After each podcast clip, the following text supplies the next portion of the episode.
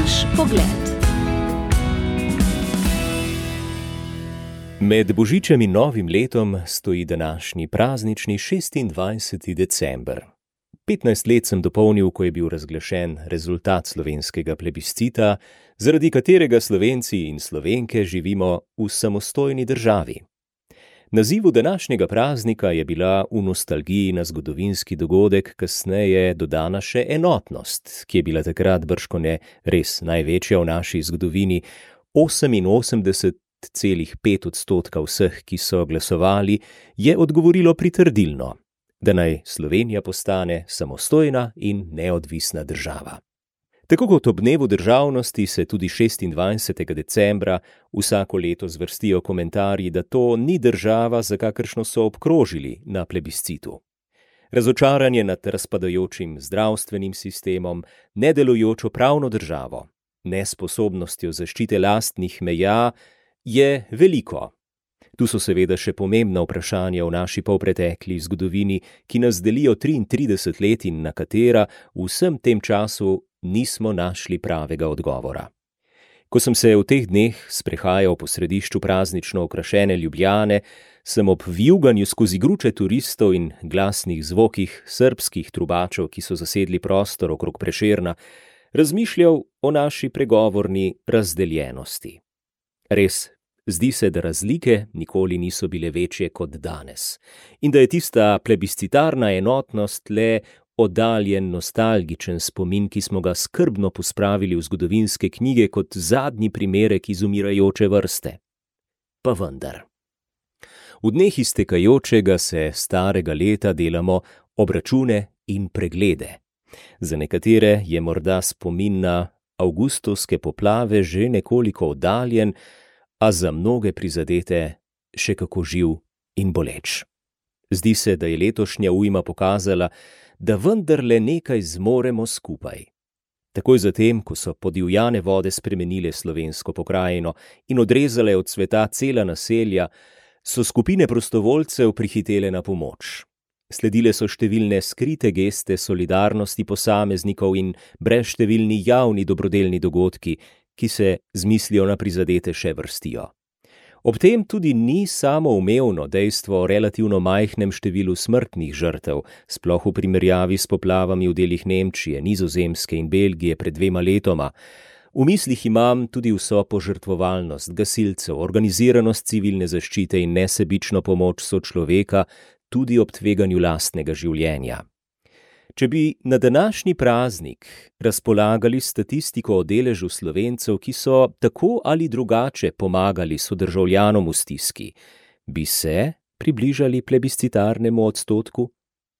Kakorkoli, danes, kljub vsej razdeljenosti, za katero se zdi, da nas obdaja, ne pridružujem tistim, ki iščejo raznovrstne razloge in dežurne krivce za slabo stanje v naši družbi. Na praznični dan bi rad pogledal izven mehurčka. Vanje smo namreč ujeti vsi, tako udobni, domači in dosledni so. Mehurčki temelijo na enakosti. V službi preživljamo čas z ljudmi, ki imajo najverjetneje podobno stopnjo izobrazbe. Na spletu ustvarjamo skupine podobno mislečih in se obdajamo z ljudmi, ki verjamejo v iste stvari kot mi.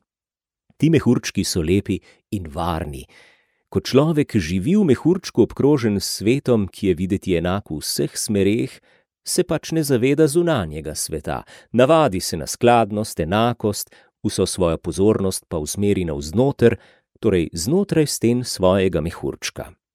Težava ali pa priložnost je v tem, da ti mehurčki kot nič na svetu ne trajajo večno.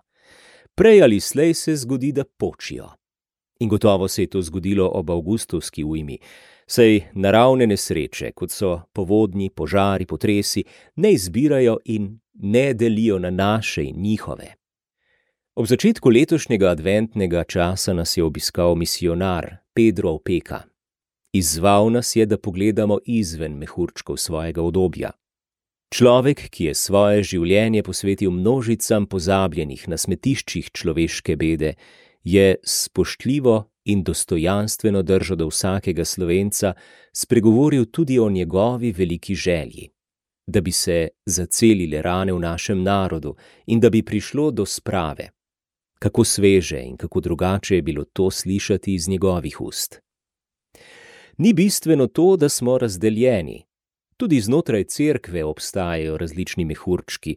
Nekateri bi se radi vrnili k latinskim mašam in vidijo vse spremembe novih časov kot herezijo, drugi čutijo cerkev kot srednjeveško trdnjavo, ki je že zdavnaj izgubila stik z realnostjo časa in se ni sposobna modernizirati.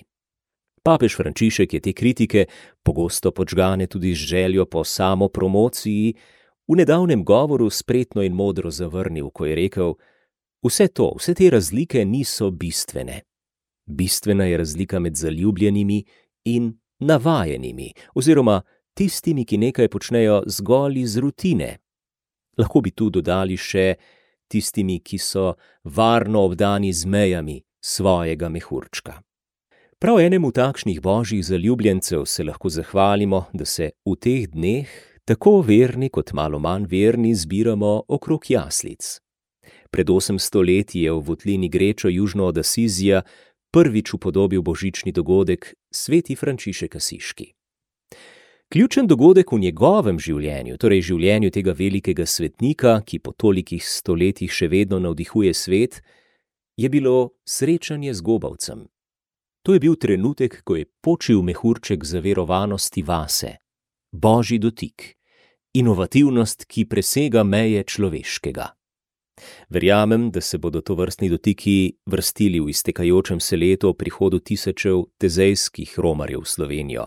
Priložnosti za to, da pogledajo iz svojega odobja in na strah pred neznanim odgovorijo z odprtimi vrati svojih domov, je sledilo mnogo gostoljubnih družin in posameznikov.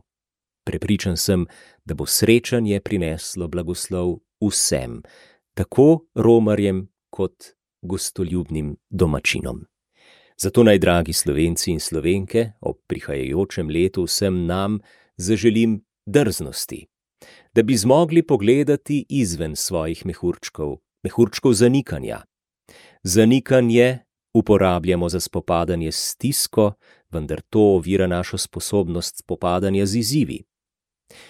Da bi si prizadevali početi kakšen mehurček dezinformacij, ki ga bo prihajajoča umetna inteligenca po vsej verjetnosti skušala še okrepiti. Vedno se lahko vprašamo, ali imamo vse informacije in ali nam morda na kakšnem področju primankuje znanje za to ali ono smelo trditev. In da bi izstopili iz mehurčkov nesporazumov, saj ima vsak svoje pomankljivosti. Lahko se nam zdi neko vprašanje povsem nepomembno, ali pa nam gledamo skozi drugačen okvir kot sodržavljan. Naš pogled.